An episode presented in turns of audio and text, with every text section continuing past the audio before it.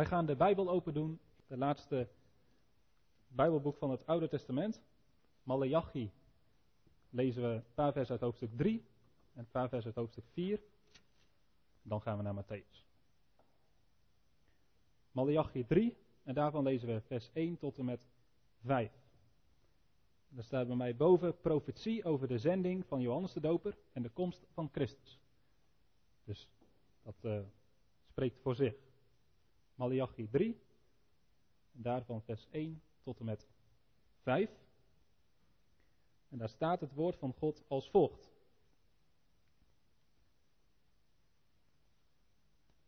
Zie, ik zend mijn engel, of mijn bode, die voor mij de weg bereiden zal. Plotseling zal naar zijn tempel komen die Heere die u aan het zoeken bent, de engel van het verbond, in wie u uw vreugde vindt. Zie, hij komt, zegt de Heere van de legermachten. Maar wie zal de dag van zijn komst verdragen? Wie zal bij zijn verschijning stand houden? Want hij is als vuur van een edelsmid en als zeep van de blekers. Hij zal zitten als iemand die zilver smelt en reinigt. Hij zal de levieten reinigen en hen zuiveren als goud en zilver. Dan zullen zij de Heere een graanoffer brengen in gerechtigheid. Dan zal het graanoffer van Juda en Jeruzalem voor de Heere aangenaam zijn, zoals in de dagen van oude tijden af, zoals in vroegere jaren. Ik zal naar u toekomen voor het oordeel. Ik zal een snelle getuige zijn tegen de tovenaars, tegen de overspelers, tegen hen die valse eden afleggen en tegen hen die het loon van een dagloner met geweld inhouden, die het recht van weduwe, wees en vreemdeling ombuigen en mij niet vrezen, zegt de Heere van de legermacht.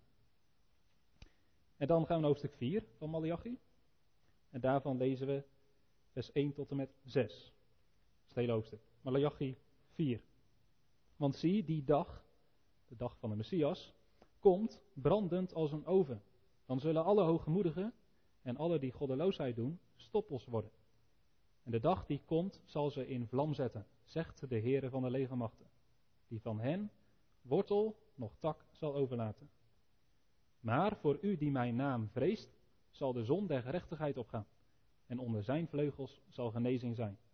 En u zult naar buiten gaan en dartelen als kalveren uit de stal. U zult de goddelozen vertrappen. Voorzeker, stof zullen zij worden onder uw voetzolen. Op die dag die ik bereiden zal, zegt de Heere van de legermachten. Denk aan de wet van Mozes, mijn dienaar, die ik hem geboden heb, op Horeb voor heel Israël. Denk aan de verordeningen en de bepalingen. Zie, ik zend tot u de profeet Elia, voordat de dag van de Heere komt. Die grote en ontzagwekkende dag. Hij zal het hart van de vaders tot de kinderen terugbrengen en het hart van de kinderen tot hun vaders. Opdat ik niet zal komen en de aarde met de ban zal slaan. Tot zover. En dan gaan we naar het Nieuw Testament. Matthäus 3, vers 1 tot en met 12. Daar zien wij Johannes de Doper, de Elia die beloofd is, optreden. Matthäus 3, vers 1 tot 12. In die dagen trad Johannes de Doper op en hij predikte in de woestijn van Judea. En zei, bekeer u, want het koninkrijk van de hemelen is nabijgekomen. Want deze is het over wie gesproken is door de profeet Jezaja, toen hij zei, de stem van een die roept in de woestijn, maak de weg van de Heer gereed, maak zijn paden recht. Deze Johannes had kleding van kameelhaar en een leren gordel om zijn middel. Zijn voedsel was sprinkhanen en wilde honing.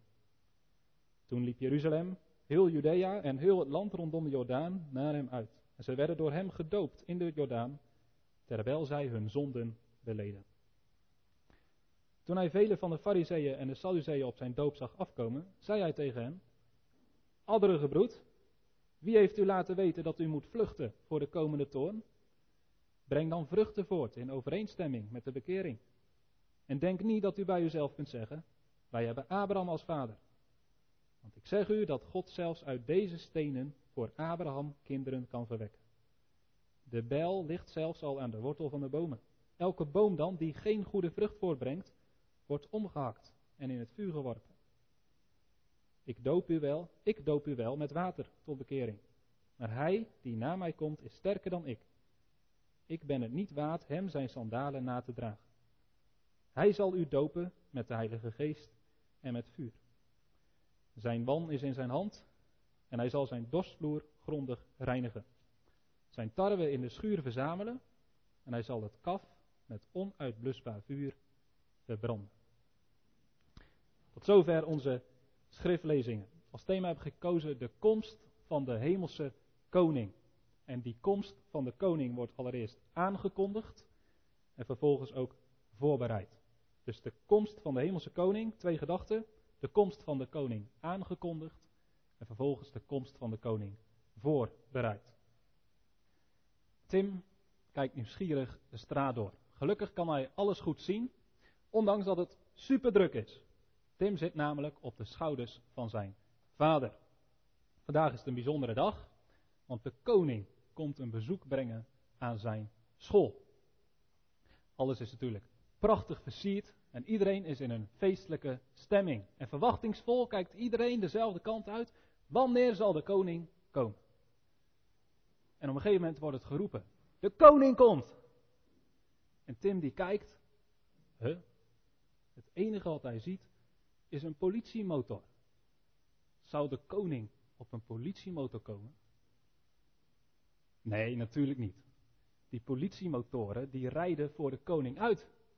En het duurt maar heel even of achter die politiemotoren komt een dikke zwarte auto aanrijden. Daar zit de koning in. In het Oude Testament heeft God beloofd dat er een koning naar de aarde zal komen. De Messias. En hoe meer we aan het eind van het Oude Testament komen, hoe duidelijker die boodschap klinkt. De koning komt eraan. De profeet Zacharia, dat staat net voor Malachi, die zegt bijvoorbeeld: Verheug u zeer, dochter van Sion, juich, dochter van Jeruzalem. Zie, uw koning zal tot u komen. Wanneer zal die komen? Hoe zal zijn komst eruit zien? Nou, in de Bijbel hoeven we maar een paar bladzijden te bladeren naar het Matthäus-evangelie. En uh, het is mooi dat we daar afgelopen weken verschillende preken over hebben gehad. Het begon met het geslachtsregister. En dat is het geslachtsregister van Jezus Christus, de zoon van David. David, de koning. Jezus is die koning die geboren is. En in hoofdstuk 2 wordt het ook duidelijk. Heel ver weg in het oosten zien de wijzen een ster. En dat is de ster van de koning van de Joden, die is geboren. En als je Matthäus 1 en 2 hebt gelezen, ben je ook vijf keer tegengekomen op dat vervuld zou worden wat gesproken is door de profeet. Daar hebben we vorige week ook een mooie preek over gehoord. De laatste drie teksten die dat zeggen. De vervulling uit het Oude Testament. Dus als je Matthäus 1 en 2 hebt gelezen, dan weet je, de koning die God heeft beloofd, is geboren. Hij is naar deze aarde gekomen. Maar dan blijft het een hele poos stil.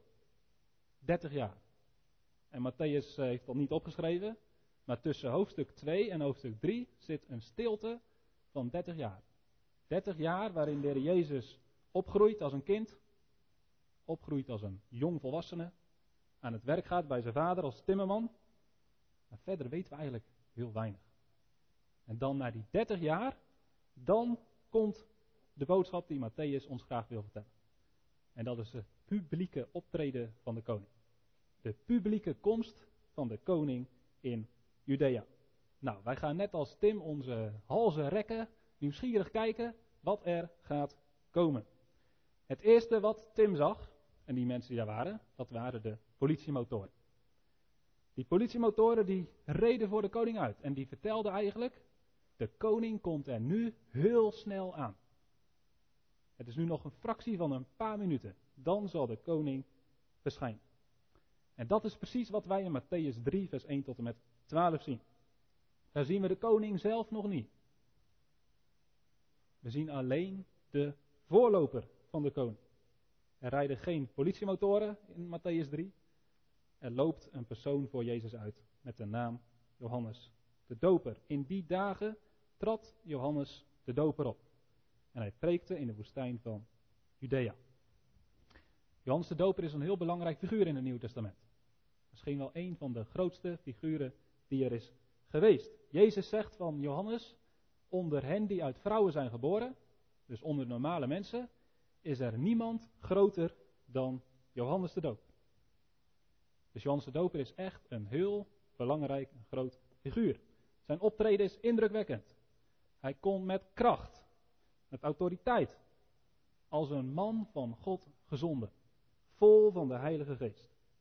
Nou, dat maakt indruk. En we zien dat ook in de tekst dat mensen van heel Jeruzalem, heel Judea en de omliggende omgeving stromen massaal naar hem toe.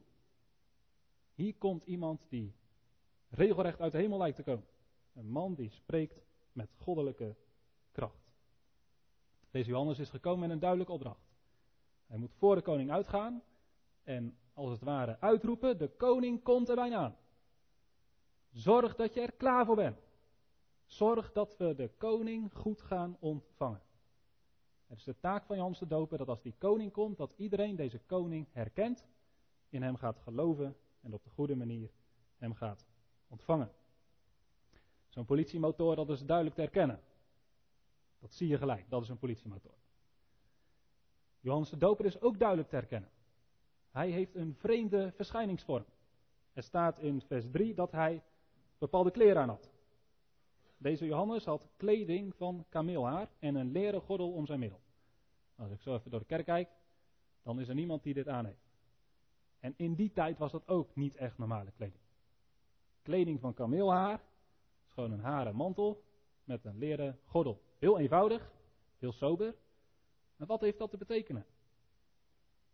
Waarom noemt Matthäus dat? Nou, als je het Oude Testament een beetje kent, dan weet je dat er in het Oude Testament ook iemand was die zo gekleed ging. In 2 Koningen 1, vers 8 wordt de profeet Elia beschreven. En daar wordt over hem gezegd dat hij een man was met een haren mantel en een leren gordel om zijn middel. Dus Johannes de Doper ziet er precies hetzelfde uit als Elia in het Oude Testament. En dat is niet voor niks. Want, we hebben het gelezen in de profeet Malachi. Voordat de Heer Jezus komt, voordat de Messias komt, voordat de koning komt, zal er voor hem uit een wegbereider gaan. En die wordt door Malachi Elia genoemd. Malachi 3 vers 1, ik zend mijn engel, mijn bode, die voor mij, voor God, de koning, de weg bereiden zal. Malachi 4 vers 5, ik zend tot u de profeet Elia, voordat de dag van de Heere komt. Nou, nu waren de mensen ook in de tijd van de Heer Jezus die dachten dat dat letterlijk Elia was. Die was opgevaren naar de hemel en die zou weer letterlijk terugkomen. Wij weten dat dat niet letterlijk werd bedoeld door Malachi, maar figuurlijk. Iemand zal komen die lijkt op Elia.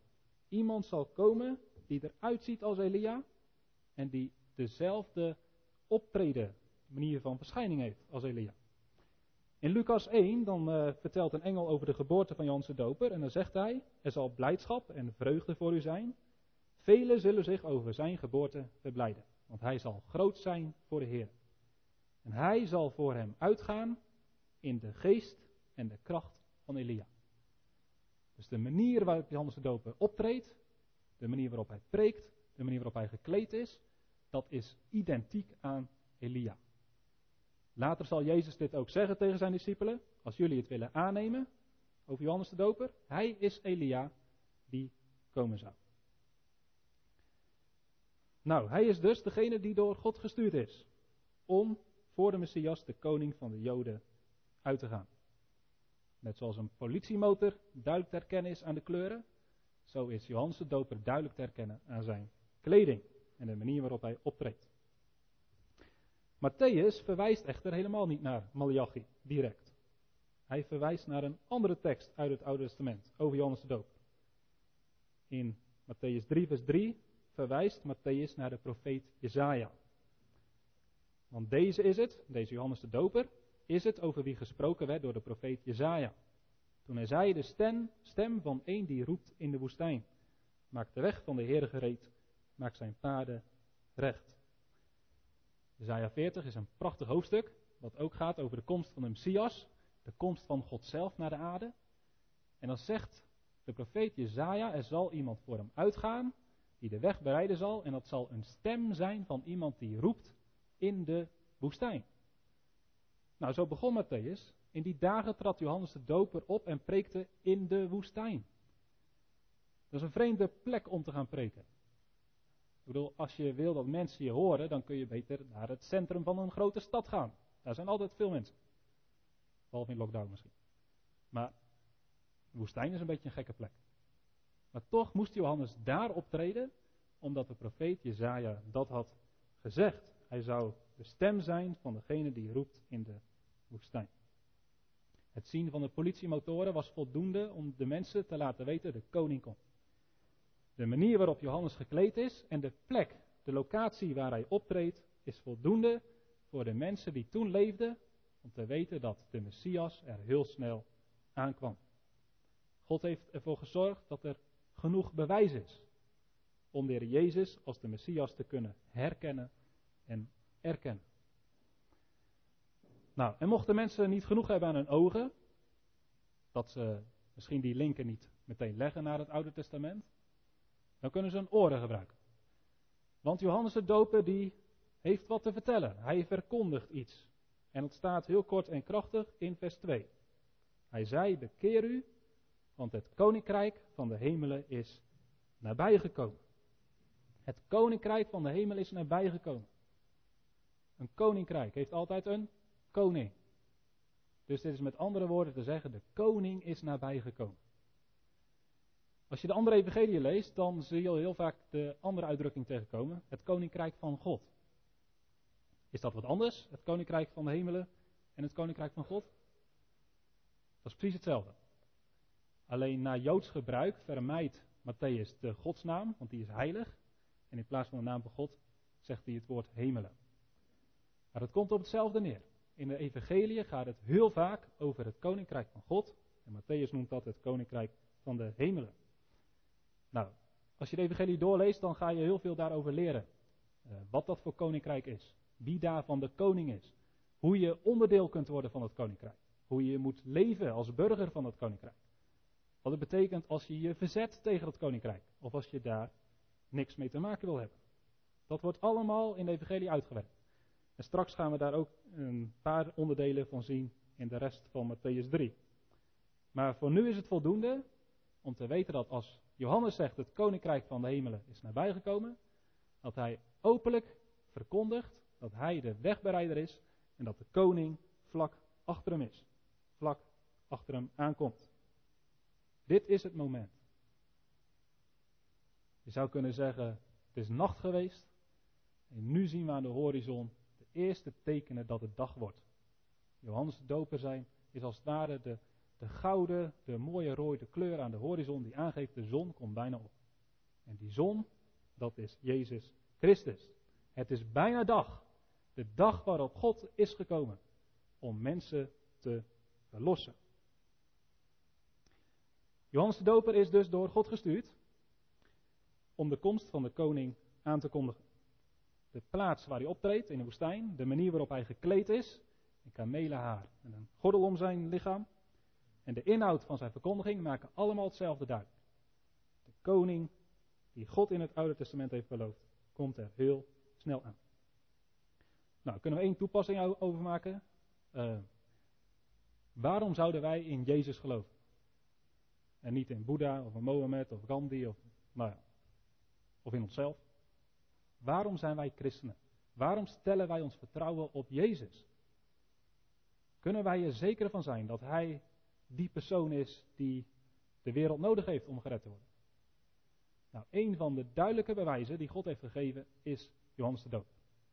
Het feit dat Jezus is gekomen met een wegbereider en dat God in het Oude Testament heeft gezegd dat de Messias zou komen met een wegbereider, dat is voor ons, net als voor die mensen toen, een sterk argument, een krachtig bewijs dat Jezus inderdaad die koning is.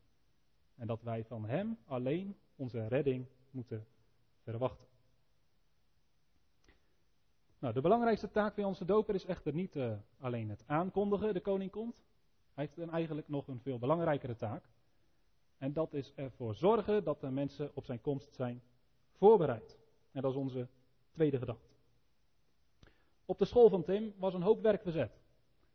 Er waren zelfs schilders gekomen om alles nog even netjes in de verf te zetten. Heel veel ouders waren gekomen om de boel schoon te maken. En de kinderen die mochten toen alles schoon was gemaakt, de boel gaan versieren. Vlaggen ophangen, slingers maken. Ze hadden zelfs een mooie boog gemaakt. En een erehaag. Ze hadden een liedje geleerd. Ze waren perfect voorbereid op de komst van de koning. Dat is de taak van Johannes de Doop. Als de koning komt, dan moet het volk zijn voorbereid. Dan moet het volk er zo aan toe zijn dat ze de koning met open armen ontvangen. En dat ze allemaal dat koninkrijk van God naar binnen gaan. Nou, wat zal Johannes zeggen tegen die mensen? Doe al die lelijke kleren voor jullie uit en doe je mooiste feestkleding aan. Want de koning komt eraan. Nou, dat zegt Johannes Doper niet. Wat hij zegt, zijn maar twee woordjes. Bekeer u. Dat moeten de mensen doen. En als ze dat doen, dan zijn ze goed voorbereid op de komst van de koning. Als ze zich bekeren, dan kunnen ze het koninkrijk van de hemelen binnengaan. Nou, ik denk dat dit een heel belangrijk punt is, omdat in de Bijbel heel vaak wordt gesproken over bekering. Bijna alle profeten van het Oude Testament en alle schrijvers van het Nieuwe Testament noemen dit woord regelmatig. Bekeer u. Het is nodig dat wij ons bekeren. Nou, we zouden de simpele vraag kunnen stellen van uh, hoe kom ik dat koninkrijk van de hemel binnen? Hoe moet ik een burger worden van dit koninkrijk? Hoe kan ik de koning op een goede manier ontvangen? Dat is dezelfde vraag te stellen: hoe kan ik gered worden? Hoe kan ik zalig worden? Nou, de Bijbel geeft daar eigenlijk twee antwoorden op. Ik heb vanmorgen, nee, daar zijn we gestopt met lezen. Wij zijn aan het lezen over dat Paulus en Silas in, in Filippi zijn. En dan worden ze op een gegeven moment in de gevangenis gezet. Bij de stokbewaarder. En dan gaan ze s'nachts zingen en dan komt er een aardbeving. En die stokbewaarder die schrikt zich een hoedje, want die denkt al die gevangenen zijn weggelopen, dus die wil zichzelf vermoorden. En zegt Paulus, stop, wij zijn hier allemaal nog. En wat vraagt de stokbewaarder dan? Wat moet ik doen om zalig te worden? Wat moet ik doen om onderdeel te worden van het koninkrijk? Nou, en dan is het simpele antwoord: geloof in de Heer Jezus en u zult zalig worden. Nou, dat kom je op heel veel plekken tegen als het antwoord. Wat moet je doen om gered te worden? Geloof in de Heer Jezus. Uh, Johannes 3, vers 16, de bekende tekst. Zo lief heeft God de wereld gehad, dat hij zijn enige geboren zoon gegeven heeft, opdat iedereen die in hem gelooft, niet verloren gaat, maar eeuwig leven Keer op keer is dit het antwoord op de vraag hoe kun je gered worden. Door het geloof in de Heer Jezus. Maar er is ook een ander antwoord wat gegeven wordt, bijvoorbeeld op de Pinksterdag. Mannen, broeders, wat moeten wij doen om zalig te worden? Bekeer u. En laat ieder van u gedoopt worden in de naam van Jezus Christus. Dat is een ander antwoord wat we heel vaak vinden. U moet zich bekeren. Alleen door bekering kunnen wij gered worden. Nou, dat heeft mij even doen nadenken. Zijn er dan twee dingen? En hoe verhouden zich bekering en geloof tot elkaar? Wat is dan bekering en wat is geloof? En moeten die samengaan? En waarom dan? Geloven, dat is vertrouwen. Dus we moeten vertrouwen op de Heer Jezus. Bekeren, dan denken wij, tenminste ik denk heel snel aan daden. Aan dingen niet doen en wel doen. Dus bekering is dat je stopt met verkeerde dingen doen, met de zonde, en dat je het goede gaat doen. Maar als je in het Grieks kijkt naar het woord bekering, dan zit het woordje nous, dat is het woordje geest, erin. En het woordje bekering heeft veel eerder nog te maken, niet allereerst met de daden, maar met je denken. Ga anders denken. Je moet veranderen van gedachten. Je moet veranderen van overtuigingen. En er is een fundamentele verandering van denken nodig. En die zorgt er uiteindelijk voor dat je ook verandert in daden. En uh, ik denk dat dit duidelijk maakt waarom bekering nodig is om te kunnen geloven. Als jij niet de goede overtuigingen hebt, als je niet de goede geloof hebt, als je niet de goede gedachte hebt, dan kun je helemaal niet geloven. Stel je voor dat iemand zegt: Ik geloof niet dat God bestaat. Dat is een bepaalde manier van denken. Maar als je niet gelooft dat God bestaat, kun je dan geloven in de Heer Jezus? Als de zoon van God? Nee, dat kan niet. Dus je kunt verkeerde gedachten hebben die ervoor zorgen dat je niet kunt geloven. Het is nodig om op de goede manier te gaan denken over heel veel dingen, om überhaupt te snappen wat het evangelie is en in de Heer Jezus te kunnen geloven. Nou, in de kerk zullen de meeste mensen Nou, iedereen wel. Geloven dat God bestaat.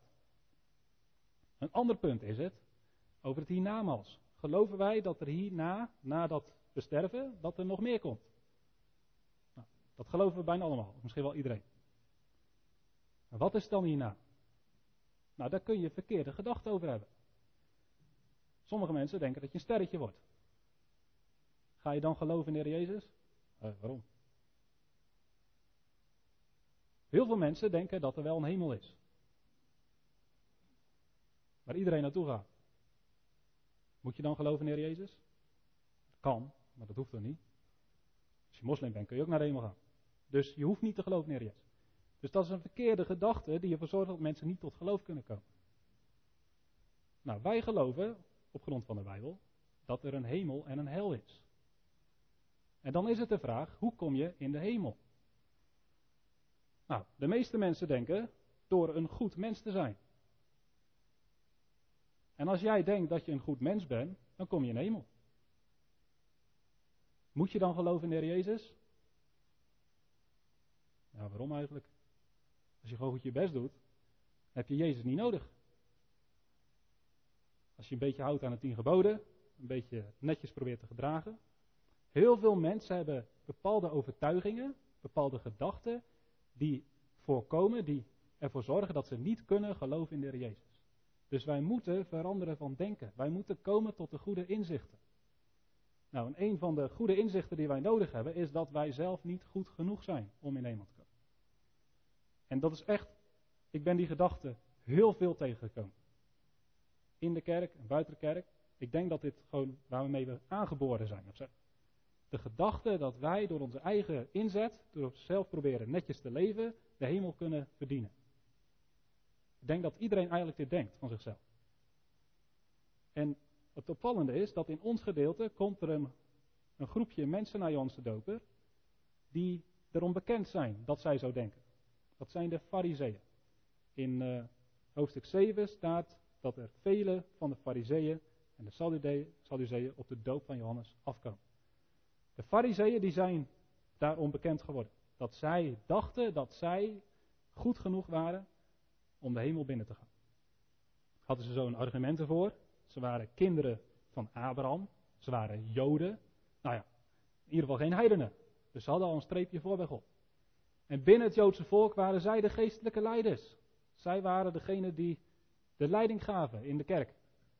Nou, dan heb je nog wel meer streepjes voor. Zij waren uberijverig voor de godsdienst. Ze hadden allemaal menselijke tradities en rituelen, die hielden ze krampachtig vast en in ere. En iedereen moest daaraan houden, daar ijverden ze voor. Niemand was zo ijverig in de godsdienst als de fariseeën. Dus als er iemand goed genoeg was om in de hemel te komen, om dat te verdienen, dan waren dat de fariseeën. Zij moeten veranderen van denken.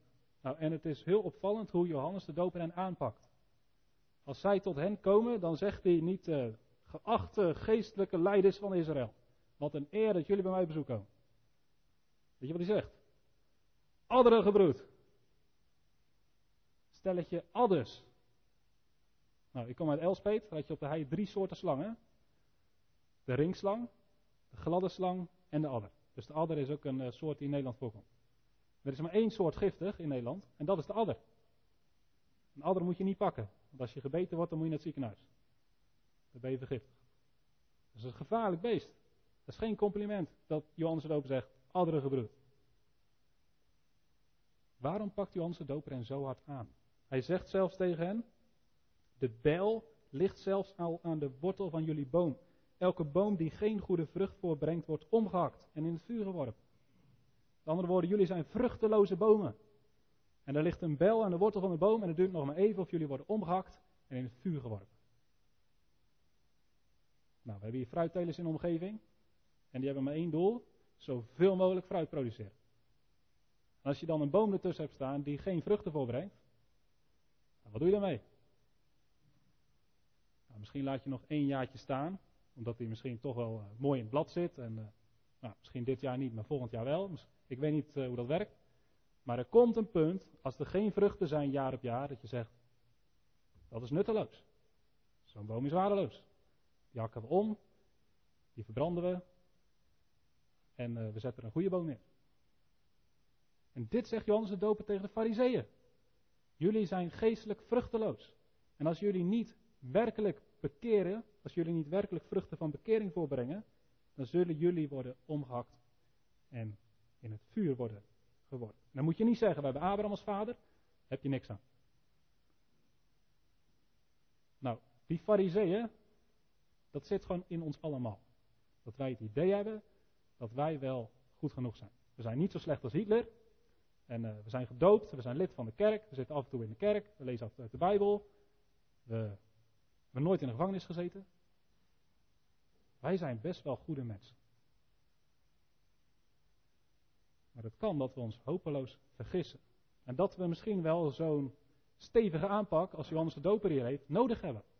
Dat we geconfronteerd worden met wie we werkelijk zijn. Nou, hoe kunnen wij zien hoe wij werkelijk zijn? Hoe komen wij tot goede inzichten dat wij helemaal niet goed zijn van onszelf? Dat we helemaal de hemel niet kunnen verdienen, maar dat we alleen gered kunnen worden door het geloof in de Heer Jezus. Nou, uh, Johannes de Doper doet dat niet hier heel uh, expliciet. Ik denk dat God daarvoor de wet heeft gegeven. We hebben vanmorgen ook de tien geboden gelezen. En iedereen die die tien geboden van God volkomen houdt, die kan zeggen: Ik ben een goed mens. Als je exact leeft zoals God het heeft gevraagd in de tien geboden, dan kun je voor jezelf veilig zeggen: Ik ga naar de hemel. Want ik ben goed genoeg. Alleen het punt is, als je naar die wet kijkt en je kijkt wat die tien geboden zeggen en je kijkt naar je eigen leven, dan kun je dat helemaal niet concluderen. Dan kan zelfs de beste fariseer kan niet zeggen dat hij al die tien geboden heeft gehouden. Paulus was een fariseer en die dacht dat hij goed genoeg was. Maar toen zei hij, toen las ik in de wet, je mag niet begeren. Paulus dacht, ik heb heel vaak verkeerde begeertes. Ik ben helemaal niet goed. Ik ben een zondaar. Dus Paulus die kwam op een andere gedachte. Hij kwam tot een andere overtuiging. Hij kwam tot bekering. Hij veranderde van denken. Hij zag zichzelf niet meer als een goed mens, maar hij ging zichzelf zien als een zondaar. En dit hebben wij allemaal nodig. Dat wij tot de conclusie van onszelf komen, wij zijn mensen die zondaren zijn. En die niet de hemel verdienen, maar de hel. En alleen als je deze manier van denken hebt geleerd, als je hiervan overtuigd bent, dan ga je geloven in de Heer Jezus. Want dan ga je begrijpen dat niemand in de hemel kan komen dan dat je zonden worden vergeven. Dat je niet in de hemel kunt komen zonder de Heer Jezus die voor jouw zonde is gestorven. Dus als je wilt geloven in de Heer Jezus, dan moet je zo gaan denken over God en over jezelf en over de eeuwigheid, zoals God dat in de Bijbel openbaart. En alleen als je die goede gedachten hebt, dan kun je geloven in de Jezus. Er is nog een verbinding tussen geloof en bekering. Want als jij tot deze gedachte bent gekomen en je hebt jezelf gezien als iemand die eigenlijk de hel verdient, maar door het geloof in Jezus gered is, dan ga je automatisch anders in het leven staan. Dan ga je automatisch anders leven. Dan worden je daden vanzelf anders. Als je werkelijk gelooft, dan kun je niet op dezelfde manier blijven leven. Ik hoorde van de week in een preek een mooi voorbeeld. Je zegt, uh, er was een vader en een zoontje. En die gingen naar een rivier en daar zaten krokodillen. En uh, die vader had gezegd tegen het zoontje: Je mag uh, op die plek een beetje vissen, dat is veilig. Blijf in je bootje en laat die krokodillen met rust. Maar op een gegeven moment uh, dacht dat jochie: Ik vind het een beetje saai hier. En die krokodillen, dat is wel interessant. Dus die ging wat meer naar die krokodillen toe. En die ging die krokodillen uitlokken. En op een gegeven moment viel het bootje om. En het jochie viel in het water tussen de krokodillen. Gelukkig zag die vader dat. En die sprong erachterna, die greep zijn zoontje, trok hem naar de kant. Het zoontje kwam veilig aan het strand. Maar de vader werd gepakt door de krokodillen. En de vader werd opgegeten. Dus die vader heeft zijn leven opgeofferd om zijn eigen zoon te redden. Denken jullie, denkt u, dat het mogelijk is dat het zoontje volgens zegt: Ah, daar is het bootje, ik stap er weer in, ik ga weer naar die krokodillen. Ik vond het eigenlijk wel spannend. Ik ga het nog een keer doen. Dat is waanzinnig. Natuurlijk niet. Zoontje dat zal nooit meer dat doen. Als wij beseffen dat wij het gevaar lopen om eeuwig veroordeeld te worden, om naar de hel te gaan. En om ons daarvan te redden, heeft God zijn zoon gegeven. Heeft het grootste offer voor ons gebracht aan het kruis, om ons daarvan te redden. Denkt u, denk jij dat het mogelijk is? Als jij ziet dat de Heer Jezus voor jou gestorven is om jou van je zonde te redden. Dat je dan zegt, oh nou fijn dat Jezus dat voor mij heeft gedaan, ik ga weer lekker verder met zondigen. Dat is waanzinnig. Dat kan niet. Als je beseft wat het betekent dat God jou heeft gered van je zonde. Door de Heer Jezus daarvoor te laten sterven. Dan wil je niks meer met de zonde te maken hebben. Dan wil je alles waarvan je weet dat God fout vindt, radicaal weg doen uit je leven. En dan wil je maar één ding. God, wat wilt u dat ik doen zal? Ik wil mijn leven aan u toewijden. En dan ga je vanzelf vruchten van bekering dragen. En alleen dan ben je goed voorbereid op de komst van de koning. Want de koning komt. Johannes de Doper heeft het verkondigd. En vandaag de dag kunnen we het opnieuw verkondigen. Want wij geloven dat de koning opnieuw komt. En dan zal hij komen met de wan in zijn hand. Om zijn dorsvloer grondig te reinigen, zegt vers 12. Dat betekent, als de oogsttijd is, dan ging de boer ging het land op. En dan ging hij het koren, ging hij allemaal verzamelen. Maar tussen dat koren zat ook kaf. En dat kaf, dat was onbruikbaar. Dat moest eruit verwijderd worden. Dus er kwam een scheiding tussen tarwe en kaf. En dat gebeurde met de wan. Uh, volgens mij moet je eraan denken dat er gewoon op een soort zee werd gelegd, in de lucht werd gegooid. En het kaf werd door de wind weggedreven. En het koren, dat viel neer en dat bleef dan over. En zo komt de Heer Jezus straks. Terug op de wolken van de hemel. En dan zal hij een scheiding aanbrengen. Tussen kaf en koren. Tussen schapen en bokken. Tussen mensen die wel vruchten van bekering hebben gedragen. En mensen die dat niet hebben. Hij zal een scheiding aanbrengen. Tussen mensen die op de brede weg hebben gelopen. En mensen die op de smalle weg hebben gelopen. Hij zal een scheiding maken tussen het kruid en het onkruid. Tussen de ware gelovigen en de ongelovigen. De schijngelovigen. Aan welke kant staan we? Horen wij bij het tarwe? Of bij het kaf? Weet u dat? Weet jij dat? Nou, je kunt het weten als je zegt: Ik ben iemand die leeft door het geloof in de Heer Jezus. En ik leef een leven van bekering. Er is een groeiend verlangen in mijn leven om de wil van God te doen. En om te strijden tegen elke zon. Als je dat kunt zeggen, dan mag je zeker weten dat je hoort bij tarwe. De tarwe zal verzameld worden in de schuur. We zullen opgenomen worden in de hemel. Van de week op de gebedskring was een vergelijkbaar gedeelte, dat je hebt voorgelezen. En daar stond de rechtvaardigen zullen stralen als de zon in het koninkrijk van hun vader.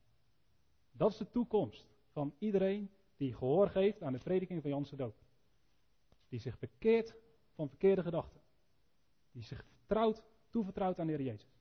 En die vervolgens een leven gaat leiden van bekering en geloofwaardig. Dat is de toekomst. Heerlijk. Als de koning komt. Dat is iets om rijkhalsend naar uit te zien. Maar het kan ook anders. De laatste zin van de prediking van Johannes.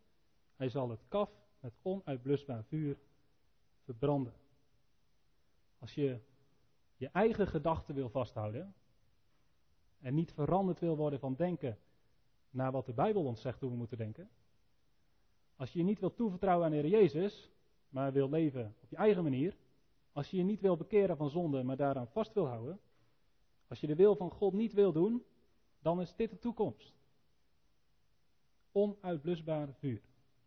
Als je Matthäus Evangelie doorleest, dan is dit wat heel vaak gezegd wordt over de hel. Niet letterlijk vuur, maar het is een beeld van een plek waar mensen onder de toorn van God zijn. Waar mensen zijn overgelaten aan zichzelf. Een verschrikkelijke plek.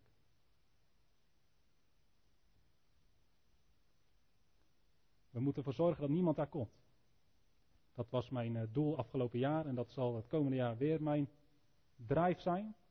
Om ervoor te zorgen dat iedereen leeft door het geloof in de Jezus. En dat er niemand is die het evangelie veronachtzaamt. Die het evangelie naar zich neerlegt. In Hebreeën 10 staat: Vreselijk zal het zijn voor de zondaar om te vallen in de handen van de levende God. Als wij willens en wetens zondigen, nadat wij de kennis van de waarheid hebben ontvangen. Dus dat is dit hè. Als je de preek hebt gehoord, dan heb je de kennis van de waarheid ontvangen. En dan moet je je bekeren en geloven. Want als je dat niet doet, dan blijft er geen slachtoffer voor de zonde meer over. Er is maar één Messias. Er is maar één koning die je kan redden. En dat is Jezus.